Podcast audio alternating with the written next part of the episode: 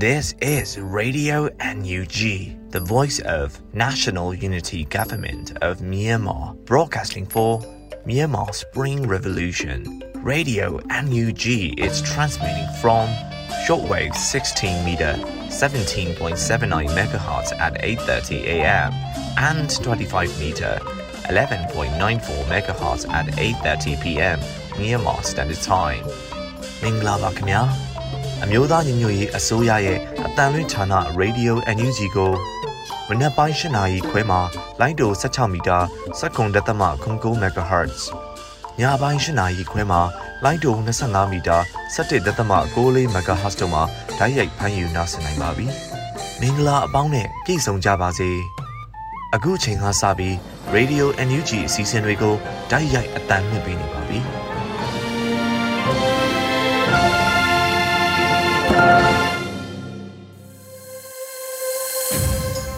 မြန်မာနိုင်ငံသူနိုင်ငံသားအပေါင်းတဘာဝပေးဆရာနာရှင်ပေတို့ကနေကင်းဝေးပြီးကိုစိတ်နှစ်ပါးဘေးကင်းလုံခြုံကြပါစေလို့ရေဒီယိုအန်ယူဂျီဖွယ်သားများကဆုတောင်းမြတ်တာပို့သလာရပါတယ်ရှင်။ခုချိန်ကစပြီးကာကွယ်ရေးဝန်ကြီးဌာနရဲ့စီရေးသတင်းချင်းချုပ်ကိုတော့မျိုးဦးမောင်မှဖတ်ကြားတင်ပြပေးပါရမရှင်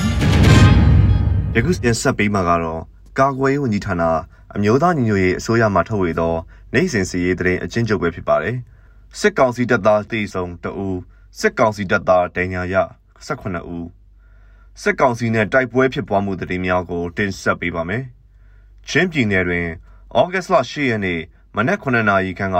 ဟာခါမြို့နယ်ဟာခါမြို့ရဲစခန်းအနီးစင်းစစ်ရုံးတွင်တပ်ဆွဲထားသောစစ်ကောင်စီတပ်သားများကို CDF ပူးပေါင်းအဖွဲ့မှတွားရောက်ပစ်ခတ်ခဲ့ရာစစ်ကောင်စီတပ်သား2ဦးထိခိုက်ဒဏ်ရာရရှိခဲ့ကြောင်းသိရသည်။မွန်ပြည်နယ်တွင်ဩဂတ်လ9ရက်နေ့မနက်9:40ခန်းက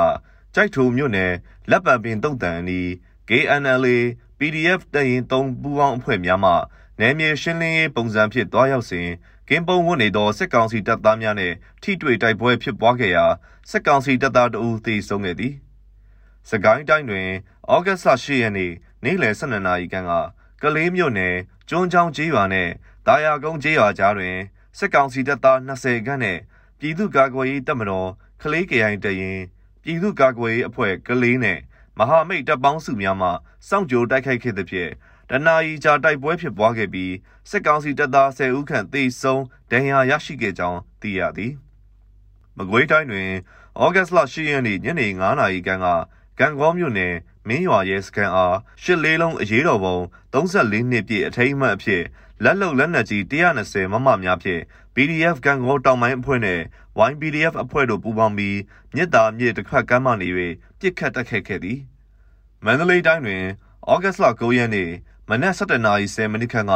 တပိတ်ကျင်းမြို့နယ်ရှားတော်ကျေးရွာနှင့်ရွှေကျိုးပင်ရွာကြားတွင်စစ်ကောင်စီများ၏ရိတ်ခါတင်သင်္ဘော၅စီးစစ်သင်္ဘောတစ်စီးနှင့်အတူအဆိုပါသင်္ဘောများအားလုံခြုံရေးရယူရန်အတွက်တကောင်းမြို့မှလာသောစစ်ကောင်စီကား၃စီးအား ပရိသာမိုင်း9လုံးဖြင့်၃နေရာခွဲပြီးကြားညှက်၍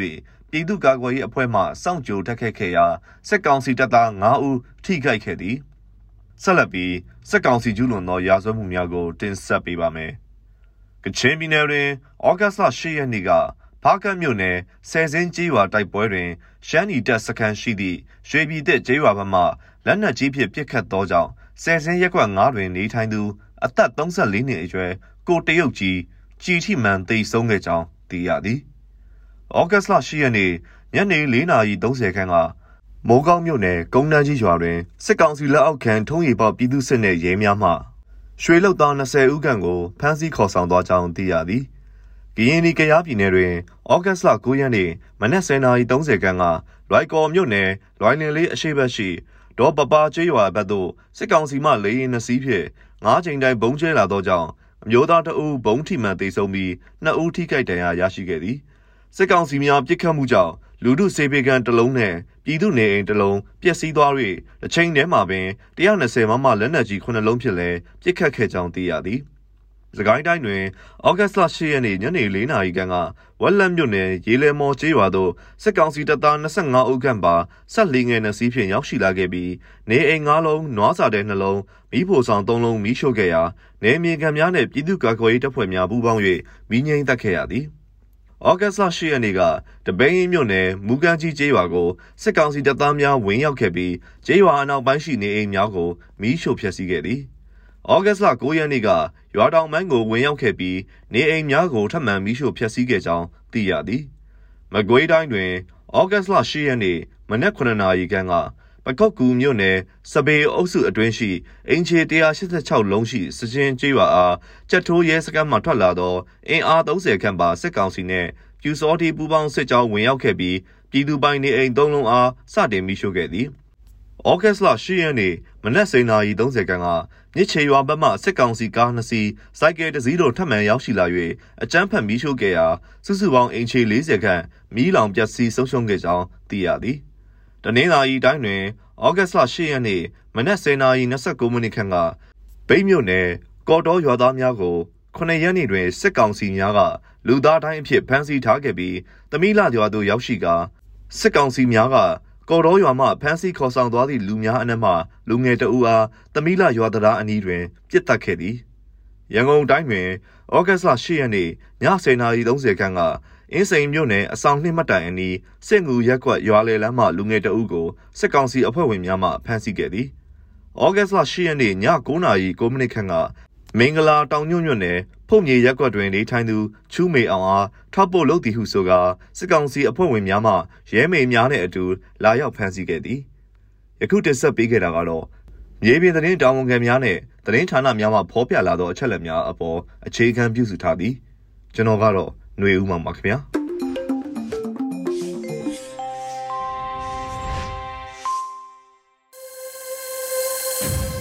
ရေဒီယိုအန်ယူဂျီရဲ့မနက်ခင်းစီစဉ်တွေကိုဆက်လက်တင်ပြနေပါတယ်။အခုတခါပြည်တွင်းသတင်းများကိုအေရီမှဖတ်ကြားတင်ပြပေးပါရမရှင်။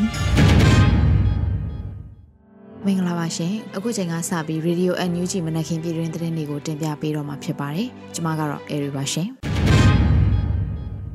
ဆရာနာရှင်တွေညီကုန်းချုပ်ပြီးပြည်သူအောင်ပွဲအတော်နီးစပ်နေပြီလို့ပြည်တော်စုဝန်ကြီးချုပ်ပြောကြားလိုက်တဲ့သတင်းကိုတင်ပြပေးပါမယ်။ အော်ဂိုလာ၈ရက်နေ့ညပိုင်းမြို့သားညီညွတ်ရေးအစိုးရကကျင်းပတဲ့ရှစ်လေးလုံးနှစ်ပတ်လည်နေ့အခမ်းအနားမှာပြည်တော်စုဝန်ကြီးချုပ်မန်ဝင်းခိုင်တန်းကဆရာနာရှင်တွေညီကုန်းချုပ်ပြီးပြည်သူအောင်ပွဲအတော်နီးစပ်နေပြီလို့ပြောကြားလိုက်ပါတယ်။ 1988ကပခုံးထန်းတင်ပေးလိုက်တဲ့အခုຫນွေဦးတော်လှန်ရေးဟာဆရာနာရှင်တွေကိုညီကုန်းချုပ်ပြီးပြည်သူအဆုံးသတ်အောင်ပွဲကိုအတော်ပင်နှီးစက်နေပြီဖြစ်ပါတယ်လို့ဝန်ကြီးချုပ်ကဆိုပါတယ်။ဒါအပြင်အကြံဖတ်စစ်တပ်ဟာ2021ခုနှစ်ပြည်သူအာဏာကိုလူယူစဉ်ကလူမှုအုံကြွမှုကိုရှော့တွက်ခဲ့ပုံရပြီးတော့အခုအချိန်မှာမရောက်နိုင်တဲ့အပေါင်းပါတွေဟာလူမှုဆန္ဒကိုရှော့တွက်လို့မရမှန်းသိသွားကြပြီလို့ဝန်ကြီးချုပ်ကထပ်လောင်းပြောကြားခဲ့ပါတယ်ရှင်။ လူဦးတော်လန်ရဲ့အဆုံးသက်အမြင့်ဖြတ်တိုက်ပွဲတွေဆင်နွှဲနိုင်မှုဗန္နာငွေလိုအပ်တယ်လို့ပြည်ထောင်စုဝန်ကြီးချုပ်ကပြောကြားလိုက်တဲ့သတင်းကိုလည်းထပ်မံတင်ပြပေးပါအောင်မယ်။ဩဂုတ်လ9ရက်နေ့မှာအမျိုးသားညီညွတ်ရေးအစိုးရရဲ့63ချိန်မြောက်အစိုးရအဖွဲ့အစည်းအဝေးကျင်းပရမှာပြည်ထောင်စုဝန်ကြီးချုပ်မန်ဝင်းခိုင်တန်းကလူဦးတော်လန်ရဲ့အဆုံးသက်အမြင့်ဖြတ်တိုက်ပွဲတွေဆင်နွှဲနိုင်မှုဗန္နာငွေလိုအပ်တယ်လို့ပြောကြားလိုက်ပါတယ်။အရေးကြီးတာတစ်ခုကတော်လန်ရေးအဆက်ဆက်ကိုရဲရဲဝံ့ဝံ့ဖျက်ဆီးလာကြတဲ့ခေါင်းဆောင်ကြီးတွေကဥဆောင်လမ်းပြပြီးတော်လန်ရေးမျိုးဆက်သစ်တွေအားကောင်းလာကြတယ် ဒါဟာကျွန်တော်တို့ရဲ့အခုဆင်နွှဲနေတဲ့နေဦးတော်လှန်ရေးရဲ့အားသာချက်တွေပဲဖြစ်ပါတယ်။ဒါတွေကိုအသုံးချပြီးတော်လှန်ရေးကိုအားနဲ့မှန်းနဲ့စ조사အဆုံးသတ်ကြဖို့ပဲဖြစ်ပါတယ်။ တော်လှန်ရေးအဆုံးသက်အမြင့်ဖြတ်တိုက်ပွဲတွေဆင်နွှဲနိုင်ဖို့တော့ကျွန်တော်တို့မှာဗန်နာငွေလိုအပ်တာအမှန်ပဲဖြစ်ပါတယ်လို့ဝန်ကြီးချုပ်ကဆိုပါတယ်။ဒါအပြင်ရှေ့ဆက်လှုပ်ဆောင်ရမှာတွေကလည်းပုံမများပြားလာတာမို့ဗန်နာငွေလိုအပ်မှုတွေလည်းပုံများလာမှာအမှန်ပဲဖြစ်ပါတယ်လို့ဝန်ကြီးချုပ်ကဆိုခဲ့ပြီးတော့ရရှိလာတဲ့ဗန်နာငွေတွေကိုလည်းစနစ်တကျထိထိရောက်ရောက်စီမံခန့်ခွဲကြဖို့လည်းအင်မတန်အရေးကြီးတယ်လို့ထပ်လောင်းပြောပါတယ်။လက်ရှိမှာအမျိုးသားညီညွတ်ရေးအစိုးရဟာအထူးငွေတိုက်စာချုပ်နဲ့ EOD က share တွေရောင်းချရငွေတွေနဲ့ကာကွယ်ရေးစရိတ်ကိုအဓိကသုံးစွဲနေရတာလည်းဖြစ်ပါတယ်ရှင်။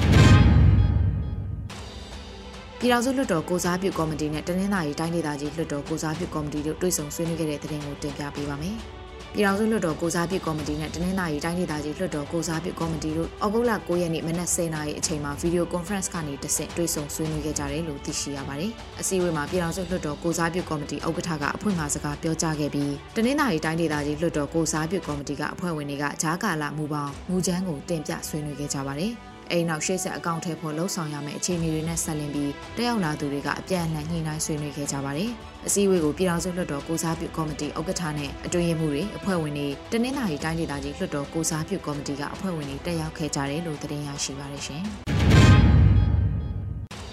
ဆက်လက်ပြီးຫນွေဦးတော်နိုင်ရဲ့အရှိန်အဟုန်ကိုဆက်လက်ထိန်းသိမ်းထားဖို့လူလူတပိတ်ကော်မတီတွေကအရေးကြီးတယ်လို့ပြည်ထောင်စုဝန်ကြီးဒေါ်စင်မအောင်ပြောဆိုလိုက်တဲ့သတင်းကိုတင်ပြပေးပါမယ်။ ဩဂုတ်လအတွင်းမှာမန္တလေးတပိတ်အင်အားစုဖွဲ့စည်းတည်ထောင်တဲ့တနှစ်ပြည့်အထိမ်းအမှတ်အတွက်ဂုံပြုအမှတ်တရစကားပြောကြားခြင်းမှာနိုင်ငံခြားရေးဝန်ကြီးဌာနပြည်ထောင်စုဝန်ကြီးဒေါ်စင်မအောင်ကမျိုးဦးတော်လှန်ရေးရဲ့အရှိန်အဟုန်ကိုဆက်လက်ထိန်းသိမ်းထားဖို့လူလူတပိတ်ကော်မတီတွေကအရေးကြီးတယ်လို့ထည့်သွင်းပြောကြားထားပါတယ်။ကျမတို့ရဲ့တော်လှန်ရေးဟာတပိတ်တွေကစခဲ့ရကတဖြည်းဖြည်းဖြစ်သမျှနည်းနဲ့အမြင့်ဆုံးအရှိန်အဟုန်ကိုရောက်ရှိလာပြီဖြစ်ပါတယ်။ဒီအရှိန်အဟုန်ကိုဆက်လက်ပြီးတော့ထိန်းသိမ်းဖို့ရာမူလစမှတ်ဖြစ်တဲ့တပိတ်ကော်မတီတွေရဲ့အခမ်းကဏ္ဍဟာအမတန်မှအရေးကြီးပါတယ်။ အခုအချိန်ထိပြည်သူ့ကာကွယ်ရေးတပ်မတော်တွေပေါ်ပေါက်လာသည့်တိုင်အောင်ဒီတပိတ်ကော်မတီတွေရဲ့လှုပ်ရှားမှုတွေဆက်လက်တည်ရှိနေတာကဒီဒေါ်လာရေးရဲ့ထူးခြားချက်ဖြစ်ပါတယ်လို့ဝန်ကြီးကဆိုပါတယ်။2021ခုနှစ်ဖေဖော်ဝါရီလ1ရက်နေ့ဆီယနာသိမ်းပြီးတဲ့နောက်ပိုင်းဆီယနာရှင်စန့်ကျင်ရေးလူလူလှုပ်ရှားမှုတပိတ်တွေပေါ်ပေါက်ခဲ့တာပဲဖြစ်ပါတယ်ရှင်။ဆရာနာရှင်နဲ့အကြမ်းဖက်စစ်ကောင်းဆောင်တွေနေ့စဉ်နေ့တိုင်းကြာရှုံးနေပြီလို့ပြည်ထောင်စုဝန်ကြီးဒေါက်တာဆာဆာပြောကြားလိုက်တဲ့သတင်းကိုတင်ပြပေးပါမယ်။ ဩဂုတ်လ10ရက်နေ့ကလူမှုကွန်ရက်မှာပြည်ထောင်စုဝန်ကြီးဒေါက်တာဆာဆာကလူထုကိုပြောကြားရမှာဆရာနာရှင်နဲ့အကြမ်းဖက်စစ်ကောင်းဆောင်တွေဟာနေ့စဉ်နေ့တိုင်းကြာရှုံးနေပြီလို့ထည့်သွင်းပြောကြားလိုက်ပါတယ်။ဆရာနာရှင်နဲ့အကြမ်းဖက်စစ်ကောင်းဆောင်များဟာနေ့စဉ်နေ့တိုင်းကြာရှုံးနေပြီဖြစ်ပါတယ်။မြန်မာပြည်သူလူထုများရဲ့ Federal Democracy ဟာနေ့စဉ်နဲ့အမျှအရှိန်အဟုန်နဲ့ဆက်လက်ချီတက်ပြီးအောင်မြင်နေပြီဖြစ်ပါတယ်လို့ဝန်ကြီးကဆိုပါတယ်။လက်ရှိမှာစစ်ကောင်စီဟာအာဆီယံအစည်းအဝေးတွေကိုလည်းတက်ရောက်ခွင့်မရဘဲနိုင်ငံတကာရဲ့အရေးယူပိတ်ဆို့မှုထံကိုအလူးလဲခံနေရပါတယ်ရှင်။ ဆက်လက်ပြီး Project Dragonfly စီမံချက်စီရေးမဟာဗျူဟာတွေနဲ့အညီကနအူးပစ္စည်းတချို့စတင်တာဝန်ထမ်းဆောင်နေပြီလို့ကာကွယ်ရေးဝန်ကြီးဌာနကအသိပေးတဲ့သတင်းကိုတင်ပြပေးပါမယ်။။ဩဂုတ်လအတွင်းထောက်ပံ့ကူညီပေးခဲ့သူများကိုကျေးဇူးတင်မှတ်တမ်းဖော်ပြရမှာ Project Dragonfly စီမံချက်စည်ရေးမဟာဗျူဟာတွေနဲ့အညီကနအူးပစ္စည်းတချို့စတင်တာဝန်ထမ်းဆောင်နေပြီလို့ကာကွယ်ရေးဝန်ကြီးဌာနကအသိပေးထုတ်ပြန်ပါတယ်။ Project Dragonfly စီမံချက်အောင်မြင်စေရန်ထောက်ပံ့ကူညီပေးခဲ့ကြသည့်ပြည်သူများအသိပညာရှင်အတတ်ပညာရှင်အမှုပညာရှင်များအားလုံးကိုကျွန်ုပ်တို့အမျိုးသားညီညွတ်ရေးအစိုးရကာကွယ်ရေးဝန်ကြီးဌာနကအထူးကျေးဇူးတင်ရှိကြောင်းဖော်ပြအပ်ပါတယ်။လူကြီးမင်းတို့အားလုံးထောက်ပံ့ကူညီခဲ့ကြသည့် Project Dragonfly စီမံချက်မှတဆင့်ရရှိလာသောရမုံငွေများအားစစ်ရေးမဟာဗျူဟာများနှင့်အညီအသုံးချလျက်ရှိရာကနဦးပစ္စည်းအချို့မှာစတင်တာဝန်ထမ်းဆောင်နေပြီဖြစ်ပါတယ်လို့ဆိုပါတယ်။ ထပ်မံပြီးလိုအပ်နေတဲ့ပစ္စည်းတွေဆက်လက်ရရှိရေးနဲ့ထိရောက်စွာအသုံးပြုနိုင်ရေးစနစ်တကျဆောင်ရွက်နေပြီဖြစ်တယ်လို့လည်းကာကွယ်ရေးဝန်ကြီးဌာနကဆိုထားပါတယ်ရှင်။ဆက်လက်ပြီးချင်းမိုင်တက္ကသိုလ်နဲ့ຫນွေဦးတက္ကသိုလ်တို့သဘောတူစာချုပ်လွှာရေးထိုးပြီးဖြစ်တဲ့အတွက်ကနဦးအစီအစဉ်တွေရအကြောင်းသားပေါင်း900အထိစတင်လက်ခံတင် जा ပေးမယ်ဆိုတဲ့သတင်းကိုတင်ပြပေးပါမယ်။ ချင်းမိုင်တက္ကသိုလ်နဲ့နှွေဦးတက္ကသိုလ်တို့သဘောတူစာချုပ်လာရေးထိုးပြီးဖြစ်တဲ့အတွက်ကနဦးအစီအစဉ်တွေအရចောင်းသားပေါင်း900အထိစတင်လက်ခံတင် जा ပေးမယ်လို့ဩဂုတ်လ9ရက်နေ့မှာနှွေဦးတက္ကသိုလ်ကနေတရားဝင်ထုတ်ပြန်ကြေညာပါတယ်။ ချင်းမိုင်တက္ကသိုလ်လက်အောက်ခံကျောင်းတစ်ခုနဲ့ຫນွေဦးတက္ကသိုလ်တို့ဟာပညာရေးလုပ်ငန်းတွေပူးပေါင်းဆောင်ရွက်ဖို့အတွက်သဘောတူစာချုပ်လာရေးထိုးထားပြီးဖြစ်ကြောင်းကြေညာအပ်ပါတယ်။အဆိုပါသဘောတူညီမှုအရလာမယ့်3နှစ်အတွင်းမြန်မာကျောင်းသားလူငယ်တွေအတွက်ရက်တူရက်ရှည်တင်နန်းတွေသူတေသနာအစီအစဉ်တွေနိုင်ငံတကာနဲ့ချိတ်ဆက်ရေးလုပ်ငန်းတွေစတာတွေကိုပူးပေါင်းဆောင်ရွက်သွားမှာဖြစ်တယ်လို့ဖော်ပြထားပါတယ်။ကနဦးအစီအစဉ်တွေအရကျောင်းသားပေါင်း900အထိလက်ခံတင် जा ပေးသွားမှာဖြစ်ပြီးတင်နန်းသားခေါ်ယူခြင်းကိုတော့မကြာမီကာလတွေအတွင်းမှာစတင်သွားမယ်လို့ဆိုပါတယ်ရှင်။ အင်္ဂါတိုက်ပွဲအပြီးဘလူးမတောင်မှာကြာဆုံးခဲ့တဲ့ရဲဘော်မောင်အောင်ခိုင်ဦးအတွက် NUG ဘောနဲ့အမှုပညာရှင်ထောင်းကဂုံပြုလှူဒန်းခဲ့တဲ့တဲ့တင်ကိုတင်ပြပေးပါမယ်။အင်္ဂါတိုက်ပွဲအပြီးဘလူးမတောင်မှာကြာဆုံးခဲ့တဲ့ရဲဘော်မောင်အောင်ခိုင်ဦးအတွက် NUG ဘောနဲ့အမှုပညာရှင်ထောင်းကဂုံပြုလှူဒန်းခဲ့တယ်လို့ဩဂုတ်လ9ရက်နေ့မှာ Our Spring Heroes ကအသိပေးဖော်ပြပါတယ်။ တိုင်းပြည်နယ်ပြည်သူတို့တိုက်ပွဲဝင်ရင်အသက်ပေးလှူသွားခဲ့တဲ့သူရဲကောင်းရဲဘော်မောင်အောင်ခိုင်ဦးကိုမျိုးဦးပြည်သူအပေါင်းကဥညွတ်အလေးပြုရင်းကျရဲသူမိသားစုကိုကူညီစောင့်ရှောက်တဲ့အနေနဲ့အမှုပညာရှင်တောင်းကဒုတ်မျိုးဦးသူရဲကောင်းအတွက်ငွေတိုက်စာချုပ်ကိုပေးအပ်ကွန်ပျူလိုက်ပါတယ်လို့ဆိုပါတယ်2021ခုနှစ်စက်တင်ဘာလ28ရက်နေ့ကအကြမ်းဖက်စစ်တပ်နဲ့ဖြစ်ပွားတဲ့စကိုင်းတိုင်းကောလင်းခရိုင်ဝမ်ဘဲအင်းအင်္ဂါတိုက်ပွဲအပြီးမှာဘလူးမတောင်မှာစကိုင်းတိုင်းကောလင်းခရိုင်တရင်သုံးကပြည်သူ့ရဲဘော်မောင်အောင်ခိုင်ဦးဟာမြင့်မြတ်စွာအသက်ပေးလှူခဲ့ရတာပဲဖြစ်ပါတယ် ပြည်သူတွေအနေနဲ့ຫນွေဦးသူရဲကောင်းတွေကိုရည်စူးပြီးသူတို့ရဲ့ကြံရစ်သူမိသားစုတွေအတွက်ဒုຫນွေဦးသူရဲကောင်းအတွက်ငွေတိုက်စာချုပ်တွေကိုဆက်သွယ်ဝယ်ယူလူဒန်းပေးနိုင်တယ်လို့လည်းသိရှိရပါတယ်ရှင်။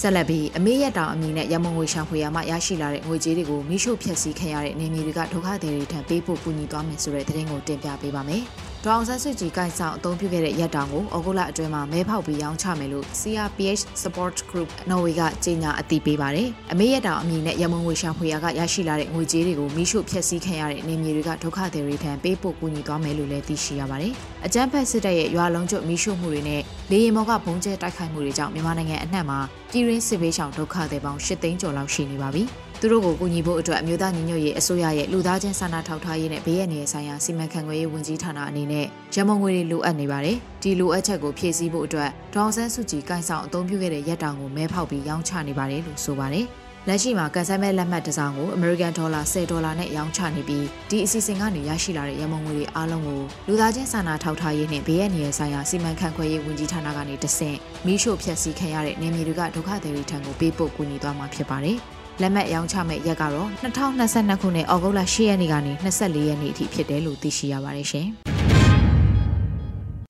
ဆက်လက်ပြီးပိုလုံးဒေတာမြေကြောင်းတိုက်ပွဲမှာအောင်ပွဲနဲ့အတူပြန်လာတဲ့ပြည်သူရဲဘော် PDF တွေကိုဒေသခံမိဘပြည်သူတွေကအောင်မန်းနေတဲ့အတူစားတောက်ဖွယ်ရာတွေနဲ့ကြိုးစုဂုံပြုခဲ့တဲ့တဲ့တင်ကိုတင်ပြပေးပါမယ်။ ပိုလုံးဒေတာမြေကြောင်းတိုက်ပွဲမှာအောင်ပွဲနဲ့အတူပြန်လာတဲ့ပြည်သူရဲဘော် PDF တွေကိုဒေသခံမိဘပြည်သူတွေကအောင်ပန်းနေတဲ့အတူစားတောက်ဆရာတွေနဲ့ကြိုးစုဂုံပြုခဲ့တယ်လို့စစ်ကြုံမခံမွေစိုးတတိုက် PDF ကထုတ်ပြန်ပါတယ်။ပိုလုံးဒေတာမြေကြောင်းတိုင်းဆန်တက်လာတဲ့စစ်ကောင်စီတပ်တွေလိုက်ပါလာတဲ့ရေရင်သုံးစီးကိုတိုက်ခိုက်လာခဲ့တဲ့ပြည်သူရဲဘော် PDF လေးတွေကိုဒေသခံမိဘပြည်သူတွေကအောင်ပန်းများမုတ်ပဲတေးစားများနဲ့အားပေးကြိုဆိုခဲ့ပါတယ်။ ပြည်သူလူထုနဲ့ PDF ရဲဘော်တွေနဲ့အခုလိုအပေးအယူညီညီမျှမျှနဲ့အာဏာရှင်ကိုတိုက်ထုတ်ကြပါစို့လို့ဆိုထားပါတယ်။ဩဂုတ်လ6ရက်နေ့ကချင်းတွင်းမြစ်ကြောင်းတိုင်းဆန်တက်လာတဲ့စစ်အုပ်စုရေရင်တွေကိုကဏီနဲ့ခြိုင်ကြားပိုလုံးဒေတာမှာကာကွယ်ရေးတပ်တွေကခုခံတိုက်ခတ်ခဲ့တာဖြစ်ပါတယ်ရှင်။ဆက်လက်ပြီးအင်းလေး IUGR မှ N4 မောင်းပြန်တနက်တလက်ဝယ်ယူနိုင်ခဲ့ပြီဆိုတဲ့သတင်းကိုတင်ပြပေးပါမယ်။ အင်းလေး IUGR မှာ N4 မောင်းပြန်တနက်တလက်ဝယ်ယူနိုင်ခဲ့ပြီဖြစ်ကြောင်းအောက်တိုဘာအတွင်းမှာအင်းလေး IUGR ကအသိပေးဖော်ပြပါတယ်။ပြည်ရင်းပြည်ပမှာရှိတဲ့အလှူရှင်တွေရဲ့ကျေးဇူးကြောင့်မိမိတို့ IUGR မှ N4 မောင်းပြန်တလက်ဝယ်ယူနိုင်ခဲ့ပြီဖြစ်ပါတယ်လို့ဆိုထားပါတယ်။ဝယ်ယူရရှိတဲ့လက်နက်နဲ့စစ်ကောင်စီရဲ့ထောက်တိုင်တွေရဲစခန်းနဲ့တပ်စခန်းတွေကိုအလင်းငိုက်ချိန်မောင်းနိုင်ရေးအဓိကလှုံ့ဆော်သွားမယ်လို့ကြေညာထားပါတယ်ရှင်။အခုတင်ပြပေးခဲ့တဲ့သတင်းတွေကိုတော့ Radio NUG သတင်းတောက်မင်းမင်းကပေးပို့ထားတာဖြစ်ပါတယ်ရှင်။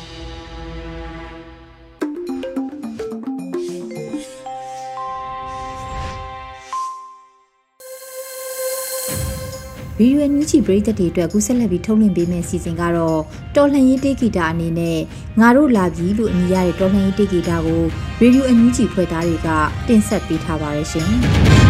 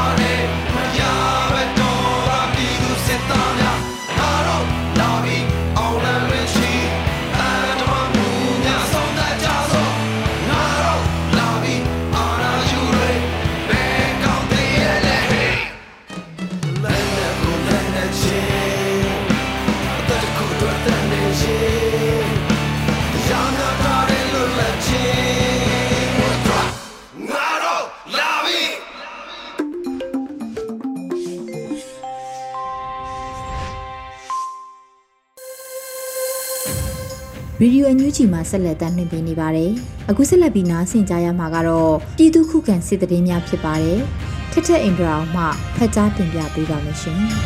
။ပထမဦးစွာချောင်းဦးမှာစစ်တပ်မိုင်းဆွဲတိုက်ခိုက်ခံရပြီးစစ်ကောင်စီတပ်ဖွဲ့ဝင်12ဦးသေဆုံးတဲ့တဲ့ရင်ကိုတင်ဆက်ပေးပါမယ်။စကိုင်းတိုင်းချောင်းမြို့နယ်မှာစစ်တပ်စစ်ကြောင်းကိုဒေသကာကွယ်ရေးတပ်တွေကမိုင်းဆွဲတိုက်ခိုက်ပြီးစစ်ကောင်စီတပ်ဖွဲ့ဝင်12ဦးသေဆုံးကြောင်းဒေသကာကွယ်ရေးတပ်တွေကသတင်းထုတ်ပြန်ပါတယ်။။ ဩဂတ်စ်လ10ရက်နေ့စကိုင်းတိုင်းမုံရွာခရိုင်ချောင်းဦးအမြင့်လမ်းခွဲကဆင်းလာတဲ့အကြမ်းဖက်စစ်ကောင်စီတပ်ဖွဲ့ဝင်တွေကိုကင်းမွန်တော်ပြူစောတီရွာထိချောင်း PDF တက်ခွဲလေးကမိုင်းဆွဲတိုက်ခိုက်မှု3ကြိမ်တက်ခွဲ2ရဲ့ရှေ့ထွက်မိုင်းဖြင့်2ကြိမ်မိုင်းဆွဲတိုက်ခိုက်မှု6ကြိမ်ချောင်း PDF ရွေးရှားတက်စိတ်နဲ့ထိတွေ့မှုတစ်ကြိမ်တိုက်ခိုက်ခဲ့ကြောင်းတိုက်ခိုက်မှုများအတွင်စစ်ကောင်စီတပ်ဖွဲ့ဝင်12ဦးသေဆုံးက33ဦးဒဏ်ရာရရှိခဲ့ကြောင်းချောင်း PDF က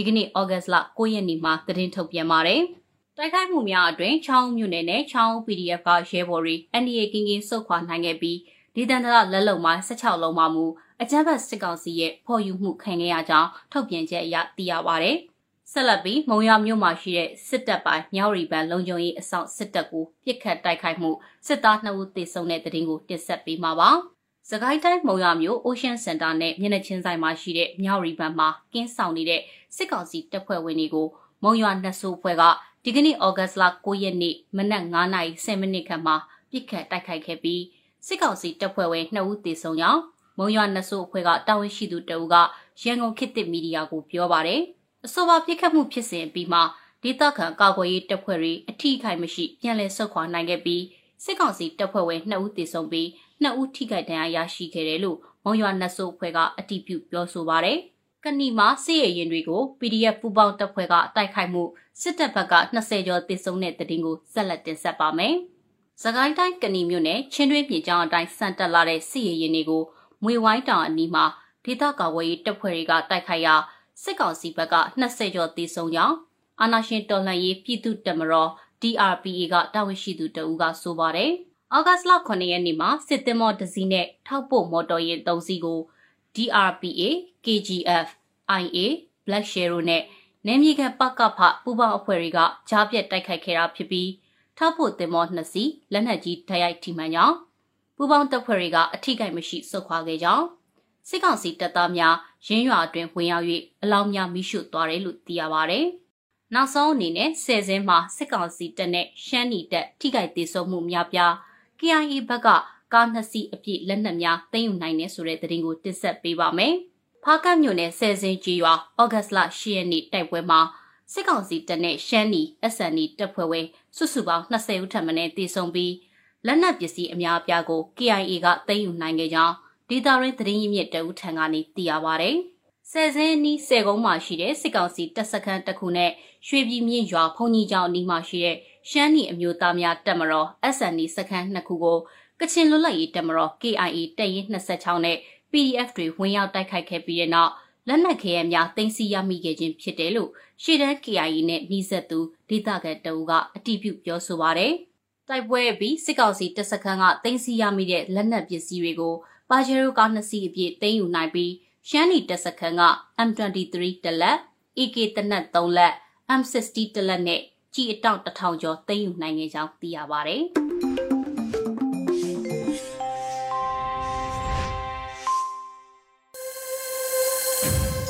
ရေဒီယိုအန်ယူဂျီပရိသတ်တွေအတွက်ခုနောက်ဆုံးထုတ်လွှင့်ပေးမယ့်အစီအစဉ်ကတော့ PPTV ရဲ့နေ့စဉ်သတင်းများကိုထက်ထက်အင်ဒရာအောင်မှဖက်ကြားတင်ပြပေးတာကိုနားဆင်ကြရတော့မှာဖြစ်ပါတယ်ရှင်ပထမဆုံးတင်ဆက်ပေးမှာကတော့အမျိုးသားညီညွတ်ရေးအစိုးရ63ကြိမ်မြောက်အစိုးရအဖွဲ့အစည်းအဝေးပြုလုပ်တဲ့ဆိုတဲ့သတင်းမှာ အမျိုးသားညီညွတ်ရေးအစိုးရရဲ့63ကြိမ်မြောက်အစိုးရအဖွဲ့အစည်းအဝေးကိုဒီကနေ့မနက်10:00နာရီမှာပြုလုပ်ခဲ့ပါတယ်။အစည်းအဝေးကိုယာယီသမရဒူဝါလက်ရှိလာပြည်ထောင်စုဝန်ကြီးချုပ်မန်ဝင်းခိုင်တန်းတို့အပါအဝင်ပြည်ထောင်စုဝန်ကြီးတွေနဲ့ဒုဝန်ကြီးတွေတက်ရောက်ခဲ့ပါတယ်။အစည်းအဝေးမှာယာယီသမရဒူဝါလက်ရှိလာကအဖွင့်မိန့်ခွန်းပြောကြားခဲ့ပြီးတဲ့နောက်ပြည်ထောင်စုဝန်ကြီးချုပ်ကမိန့်ခွန်းပြောကြားခဲ့ပါတယ်။ပြည်ထောင်စုဝန်ကြီးချုပ်မန်ဝင်းခိုင်တန်းကမြမတမိုင်းမှာတခါမှမကြုံဘူးတဲ့တိုင်းရင်းသားတွေကြားယုံကြည်မှုစီလုံးမှုတွေရရှိလာတဲ့ နောက်ထပ်အရေးကြီးတာတစ်ခုကတော်လှန်ရေးအဆက်ဆက်ကိုရဲရဲဝံ့ဝံ့ဖြစ်တန်းလာကြတဲ့ခေါင်းဆောင်ကြီးတွေကဥဆောင်လမ်းပြပြီးတော့တော်လှန်ရေးမျိုးဆက်သစ်တွေအားကောင်းလာကြတယ်။ဒါဟာကျွန်တော်တို့ရဲ့အခုဆင်နွှဲနေတဲ့ຫນွေဦးတော်လှန်ရေးရဲ့အားသာချက်တွေပဲဖြစ်တယ်။ဒါတွေကိုအသုံးချပြီးတော့တော်လှန်ရေးကိုအားနဲ့မှန်နဲ့စ조사အဆုံးသတ်ကြဖို့ပဲဖြစ်ပါတယ်။တော်လှန်ရေးအဆုံးသက်အမြင့်ဖြတ်တိုက်ပွဲတွေဆင်နွှဲနိုင်ဖို့တော့ကျွန်တော်တို့မှာဗန်နာငွေလိုအပ်တာအမှန်ပဲဖြစ်ပါတယ်။ပြီးခဲ့တဲ့ဗန်နာရေးကော်မရှင်အစည်းအဝေးမှာကျွန်တော်တို့ပြောခဲ့သလိုပဲ ကျွန်တော်တို့အစိုးရဟာတော်လှန်ရေးအစိုးရတရက်ဖြစ်တာကြောင့်ဗန်နာငွေတွေစီမံခန့်ခွဲသုံးစွဲရတာအင်မတန်အခက်အခဲရှိပါတယ်။ဗန်နာငွေရှောက်ဖွေမှုအပိုင်းမှာလည်းပုံမှန်ကာလအစိုးရတွေလိုအခွန်ဗန်နာတွေကပုံမှန်ရရှိနေတာမျိုးမဟုတ်ပဲမြန်မာနိုင်ငံအတွင်းကပြည်သူတွေနဲ့ကမ္ဘာအနှံ့ကမြန်မာပြည်သူပြည်သားတွေအခက်အခဲကြကတော်လှန်ရေးပေါ်ရုံရုံကြည်ကြည်စိတ်သက်ပြင်ပြစွာနဲ့လှူဒန်းပေးနေကြတဲ့ပြည်သူလှူဒန်းငွေနဲ့အဓိကရုန်းကန်လှုပ်ရှားနေကြတာဖြစ်ပါတယ်။စီမံကိန်းဗန်နာရေးနဲ့ယင်းနှမြုံနယ်မှုဝန်ကြီးဌာနအနေနဲ့လည်း နီလန်ပေါင်းစုံခေါင်းစဉ်မျိုးစုံနဲ့ရမုံငွေရှောက်ဖွေရေးနီလန်တွေကိုစ조사ပြီးတော့ဆောင်ရွက်ပေးနေတာကြောင့်ယနေ့တစ်နှစ်ခွဲအချိန်ကာလအထိတော်လှန်ရေးကိုအရှိန်ပြင်းပြင်းနဲ့ရှေ့ဆက်နေနိုင်ကြတာဖြစ်ပါတယ်လို့ပြောကြားထားပါတယ်။ဆက်လက်ပြီးတော့လည်းကျွန်တော်တို့ရဲ့ဒေါ်လာကြီးဟာထူးခြားတဲ့ဒေါ်လာကြီးဖြစ်ပါတယ်။အခုချိန်ထိကိုအားကိုပို့ပြီးတော့ရုပ်ကလှုပ်ရှားရင်းအောင်ပွဲတွေရှိနေတာမို့ဂုဏ်ယူစရာလည်းဖြစ်ပါတယ်။ရှေ့ဆက်လှုပ်ဆောင်ရမှာတွေလည်းပုံမှုများပြားလာတာမို့ဗန်နာငွေလိုအပ်မှုတွေလည်းပိုများလာမှာအမှန်ပဲဖြစ်ပါတယ်။ ရရှိလာတဲ့ဗန်နာငွေတွေကိုလည်းစနစ်တကျထိထိရောက်စီမံခန့်ခွဲကြဖို့လည်းအမတန်အရေးကြီးပါတယ်။အုပ်ချုပ်ရေးအကောင့်ထဲပေါ်နေတဲ့ဒေတာတွေဘက်မှာဆိုရင်အုပ်ချုပ်ရေးလုပ်ငန်းတွေလဲပတ်နိုင်ဖို့ကြိုးစားလေးလေးလိုအပ်ချက်တွေကပိုရှိလေးလေးဖြစ်မှာပါလို့ပြည်ထောင်စုဝန်ကြီးချုပ်ကပြောကြားခဲ့ပါတယ်။ ဒါအပြင်စကိုင်းတိုင်းဘက်မှာချီရွာတွေကိုမိရှုလူတွေကိုဖမ်းဆီးတပ်ဖြတ်နေတဲ့ဆိုးရွားတဲ့လုပ်ရက်တွေကိုရပ်တန့်အောင်ဘယ်လိုတွေစီမံကြမယ်ဆိုတဲ့ကိစ္စကိုလည်းကာကွယ်ရေးဝန်ကြီးဌာနနဲ့ပြည်ထရေးဝန်ကြီးဌာနတို့ပူးပေါင်းပြီးစနစ်တကျနဲ့အထိခိုင်နေအောင်စီစဉ်ကြဖို့အတွက်လည်းတိုက်တွန်းပြောကြားထားတာကိုတွေ့ရပါတယ်။အစည်းအဝေးမှာပြည်ထောင်နဲ့လူဝင်မှုကြီးကြပ်ရေးဝန်ကြီးဌာနပြည်ထောင်စုဝန်ကြီးဦးလွင်ကိုလက်က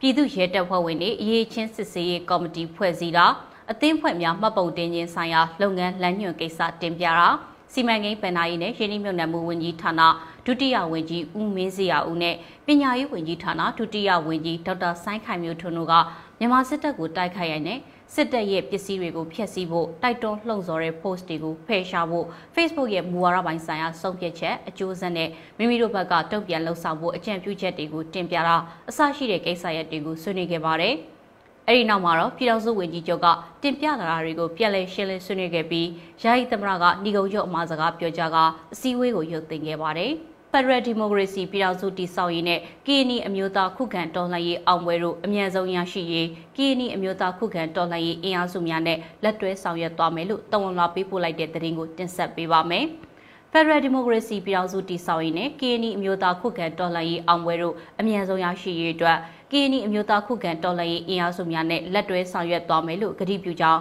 အမျိုးသားညီညွတ်ရေးအစိုးရကတဝန်လာပေးပို့လိုက်ပါတယ်။ဒီကနေ့ကြောက်တဲ့84နှစ်မြောက် KNY အမျိုးသားခုခံတော်လှန်ရေးနေ့ကိုအမျိုးသားညီညွတ်ရေးအစိုးရကတုံ့ပြန်ပေးပို့ခဲ့တာလည်းဖြစ်ပါတယ်။အကြမ်းဖက်စစ်ကောင်စီရဲ့မတရားအာဏာသိမ်းအုပ်ချုပ်ရဲ့ကြိုးပမ်းမှုကို KNY တမျိုးသားလုံးနဲ့ KNY တော်လှန်ရေးအင်အားစုတွေကလက်မခံဘဲစန့်ကျင်တော်လှန်နေကြတာကိုမြင်တွေ့ရတဲ့အတွက်များစွာဝမ်းမြောက်ဂုဏ်ယူကြောင်း ဆရာနာရှင်စနစ်ချုပ်ငြိမ်းရေး Federal Democracy ပြည်ထောင်စုတည်ဆောက်ရေးနဲ့ KNY အမျိုးသားခုခံတော်လှန်ရေးအောင်ပွဲတို့အမြင့်ဆုံးရရှိရေးအတွက်အမျိုးသားညီညွတ်ရေးအစိုးရက KNY အမျိုးသားခုခံတော်လှန်ရေးအင်အားစုများနဲ့လက်တွဲဆောင်ရွက်သွားမှာဖြစ်တယ်လို့ကတိပြုကြောင်းဖော်ပြထားပါတယ်။ KNY မျိုးသားများရဲ့တန်းတူရေးနဲ့ကိုပိုင်ပြဋ္ဌာန်းခွင့်အတွက်ခုခံတော်လှန်စစ်ဆင်နွှဲလာခဲ့တဲ့နှစ်ပေါင်း84နှစ်အတွင်း KNY အမျိုးသားခေါင်းဆောင်တပ်ဘူတပ်မှုတပ်သားနဲ့ပြည်သူလူထုရဲ့အသက်ပေါင်းများစွာပေးဆက်ခဲ့ရတာကိုအမှတ်ရလျက် လေးစားဥညွတ်အလေးပြုကြောင်းဆက်လက်ဖော်ပြထားတာကိုတွေ့ရပါတယ်။အခုတခါတင်ဆက်ပေးမှာကတော့အကြမ်းဖက်စစ်တပ်ကတိုက်ပွဲဖြစ်ပွားခြင်းမရှိဘဲနဲ့ရေလယ်မောက်ကြီးရွာကိုအကြောင်းမဲ့ဝင်ရောက်ပြီးရှုဖျက်ဆီးလိုက်တဲ့ဆိုတဲ့သတင်းကိုတင်ဆက်ပေးပါမယ်။စကိုင်းတိုင်းဝက်လက်မြို့နယ်ရေလယ်မောက်ကြီးရွာကိုအကြမ်းဖက်စစ်တပ်ကတိုက်ပွဲဖြစ်ပွားခြင်းမရှိဘဲနဲ့အကြောင်းမဲ့ဝင်ရောက်မိရှုဖျက်ဆီးမှုတွေကိုဩဂတ်စ်လ10ရက်ညနေပိုင်းမှာပြုလုပ်ခဲ့ပါတယ်။အကြမ်းဖက်စစ်တပ်ကဩဂတ်စ်လ10ရက်ညနေပိုင်းမှာရေမော့ကြီးရွာထဲဝင်ရောက်ပြီးတော့ ပြည်သူတွေနေအိမ်ကိုဝင်ရောက်မိရှုဖျက်ဆီးသွားတာပါတိုက်ပွဲတွေဘာမှမဖြစ်ဘူးရေလေမော်ကြီးရွာကအေယာရီမြစ်ဘေးကရွာပါမြစ်ကိုစံတက်လာတဲ့စစ်သင်းမောပေါ်ပါတဲ့စစ်ခွေးတွေထင်ပါတယ်နေအိမ်၅လုံးပဲမော်စင်ဆက်နှလုံးမိဆက်ရေဆက်ဆိုင်ကယ်တွေအကုန်လုံးပဲမိရှုသွားတာလို့ဒေသခံတအုပ်ကပြောပါတယ်အကြမ်းဖက်စစ်တပ်ရဲ့စစ်သင်းမော6စီက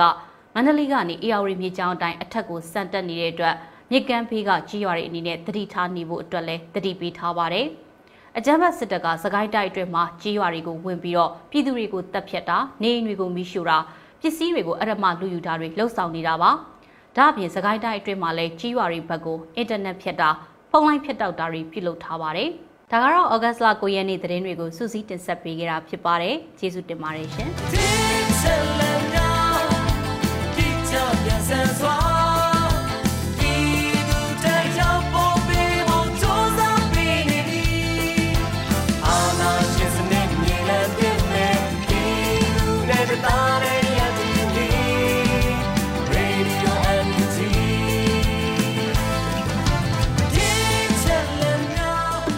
နေ့ကတော့ဒီညနေပဲ Radio NUG ရဲ့အစည်းအဝေးကိုခਿੱတရနာလိုက်ပါမယ်။မြန်မာစံတော်ချိန်မနက်၈နာရီခွဲနဲ့ည၈နာရီခွဲအချိန်တွေမှာပြန်လည်ဆုံးဖြတ်ကြပါစို့။ Radio NUG ကိုမနက်ပိုင်း၈နာရီခွဲမှာလိုင်းဒို16မီတာစက္ကန့်တသမ9 MHz ညပိုင်း၈နာရီခွဲမှာလိုင်းဒို25မီတာ17သမ6 MHz တို့မှာဓာတ်ရိုက်ဖမ်းယူနားဆင်နိုင်ပါပြီ။မြန်မာနိုင်ငံသူနိုင်ငံသားများကိုစိတ်နှပြချမ်းမာချမ်းသာလို့ဘေးကင်းလုံခြုံကြပါစေလို့ Radio NUG အဖွဲ့သူအဖွဲ့သားများကဆုတောင်းလိုက်ရပါတယ်။အမျိုးသားညီညွတ်ရေးအစိုးရရဲ့စက်သွေးရေးတရင်အချက်အလက်နဲ့ဤပညာဝန်ကြီးဌာနကထုတ်လွှင့်နေတဲ့ Radio NUG ဖြစ်ပါတယ်။ San Francisco Bay Area အခြေစိုက်မြန်မာမိသားစုများနဲ့နိုင်ငံတကာကစေတနာရှင်များလှုပ်အားပေးများရဲ့ Radio NUG ဖြစ်ပါတယ်